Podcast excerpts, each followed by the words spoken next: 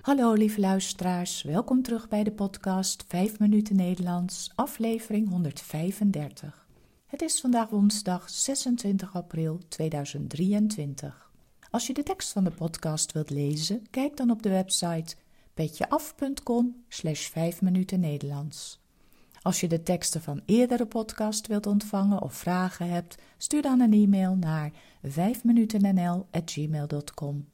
Mijn naam is Carolien, ik ben taaldocent op de universiteit en woon in Leiden. In deze podcast vertel ik iets over mijn leven, over wat ik de afgelopen dagen heb beleefd of iets over de Nederlandse taal en cultuur. Aflevering 135. Een huis kopen. Een van mijn studenten vertelde dat hij bij een bijeenkomst voor expats was geweest, waar werd uitgelegd hoe je in Nederland een huis kunt kopen. Mijn student vond het allemaal erg ingewikkeld. En dat klopt, want het is ook ingewikkeld. Ik zal proberen jullie er iets over te vertellen. De huizenprijzen zijn de afgelopen jaren enorm gestegen. Vorig jaar was de huizenmarkt oververhit. Dit betekent dat er meer kopers zijn dan verkopers. Met andere woorden, de prijzen stijgen en het is heel moeilijk om een huis te kopen. Het was vorig jaar heel normaal om meer te bieden dan de verkoopprijs.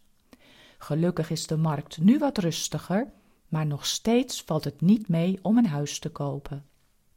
Als je een huis wilt kopen, kun je twee dingen doen. Je kunt het zelf regelen of je kunt een makelaar vragen om voor jou een huis te zoeken. Je geeft de makelaar dan een zoekopdracht. Je bespreekt wat je precies wilt hebben, hoeveel kamers, wel of niet een tuin, hoeveel het mag kosten, enzovoort. En je spreekt een bepaalde prijs af die je de makelaar hiervoor betaalt. Dit kan een vast bedrag zijn, maar ook een percentage van de koopprijs van het huis. Het voordeel is dat zo'n makelaar de markt goed kent en bekend is met de huizenprijzen in een bepaald gebied. De andere optie is dat je zelf gaat zoeken. En dan is Funda een heel handige website.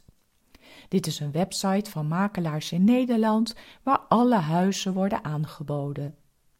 Als je een huis hebt gezien op Funda, kun je contact opnemen met de verkopende makelaar om aan te geven dat je geïnteresseerd bent. Je maakt dan meteen een afspraak om het huis te kunnen bezichtigen. Soms zijn er open dagen waarop iedereen een huis kan komen bekijken, soms gaat het op individuele afspraak. Tijdens de bezichtiging is de makelaar van de verkopende partij altijd aanwezig. De bewoners zelf zijn er meestal niet bij. Hierdoor kun je rustig rondkijken. Als je na de bezichtiging het huis nog steeds heel graag wilt kopen, moet je een bod doen op het huis. Dit betekent dat je bij de verkopende makelaar bekend maakt voor hoeveel geld je het huis wilt kopen. Vorig jaar werd er vaak meer geboden dan de prijs waarvoor het huis te koop stond. Dit noemen we overbieden. Nu komt dit veel minder vaak voor. Het is altijd wel moeilijk in te schatten wat je moet doen. Als je onder de verkoopprijs biedt, loop je de kans dat je het huis niet krijgt. En als je te veel biedt, is dat natuurlijk jammer van je geld. Om een huis te kunnen betalen, moet je of heel veel geld hebben of een hypotheek afsluiten.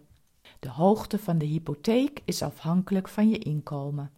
Op internet kun je kijken hoeveel geld je kunt lenen op basis van je inkomen. Let op, voor buitenlanders gelden er vaak speciale regelingen voor een hypotheek.